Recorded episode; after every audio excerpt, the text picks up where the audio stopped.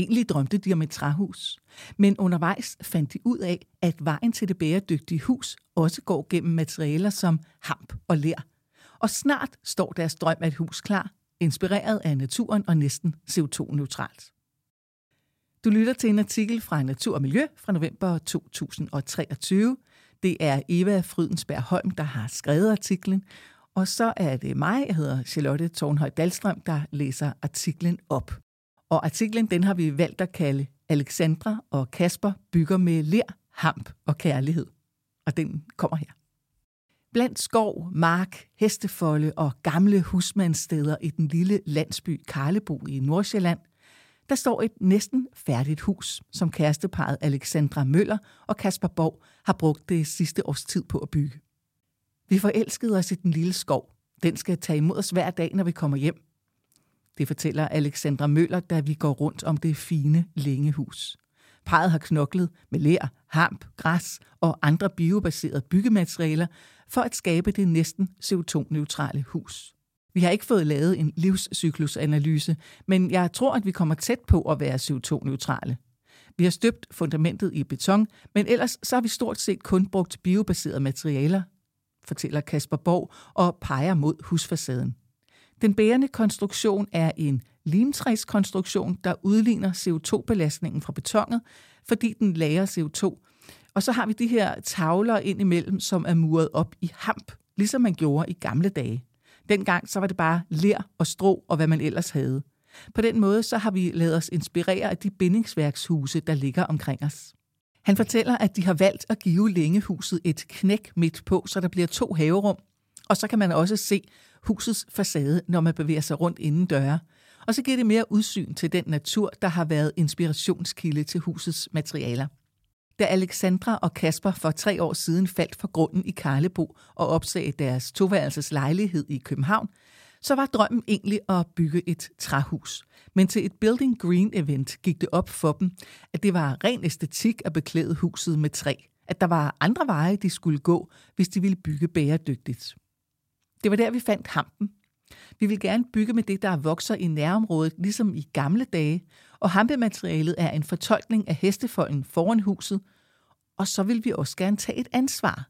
Vi er henholdsvis biolog og landskabsarkitekt, så vi ved godt, at vi er nødt til grundigt at overveje, hvordan man bruger jordens ressourcer, når man vælger at opføre et nyt hus, siger Kasper. Men inden de kastede sig ud i deres bæredygtige projekt, så havde de ikke nogen viden om, hvordan man bygger med hamp, ler og de øvrige biobaserede materialer. Vi har researchet, men vi har først og fremmest stolet på dem, der har rådgivet os, når vi skulle vælge materialerne. Og så har vi prøvet os frem og været i tæt dialog med håndværkerne, når vi ikke selv har været med, siger Kasper. Vi går ind i huset, og selvom det er en lun dag, så er det køligt. Et 70 cm langt tagudhæng skaber skygge og beskytter samtidig facaden mod slagregn, forklarer Kasper. Udhænget betyder også, at de slipper for en tagrende. Vandet skal i stedet løbe fra tagudhænget ned på en knoldebrolægning og rundt om hele huset til det laveste punkt på grunden, hvor de så kan samle vandet op. Når man træder ind ad døren til det, der snart er Alexandra og Kaspers hjem, er man ikke i tvivl om, at det for det unge par ikke bare har handlet om bæredygtighed, men også om æstetik og sjæl. Lyset vælter ind fra de store vinduer i forhuset. Der er loft til kip, og de rå fyretræsloftsplader nærmest lyser i solen og skaber kontrast til det mørke gulv. Det er et ganske almindeligt betongulv, men der er ikke noget flyveaske i, som er det, der forurener betongen.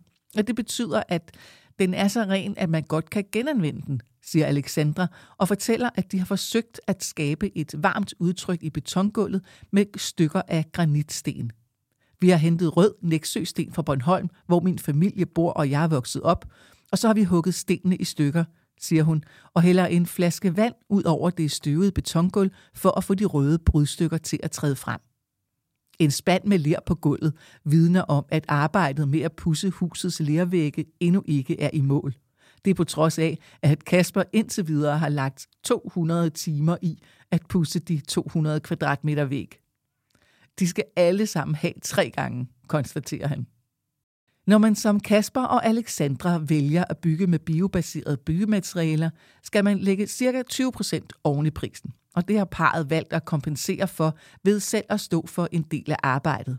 Udover at Alexandra og Kasper gerne vil tage et ansvar for miljøet, så har de også været drevet af at skabe et godt indeklima.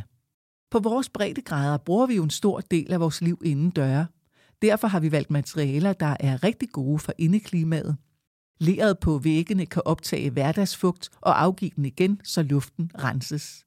Vi har ikke brugt dampspærre nogen steder, da vi gerne vil have et hus, der kan ånde og ikke er pakket ind, siger Kasper, og fremhæver, at de har valgt at bygge huset, så det kan stå i generationer. Her har klimaet og husets åndbarhed stor betydning. Vi er gået op ad trapperne til første salen, eller den fremtidige voksenafdeling, som de kalder den. Overetagen er lavet, så man ikke behøver at varme den op. Der er lavt til loftet, og der kommer varme op nedefra. Og ligesom et godt isoleret loft holder på varmen.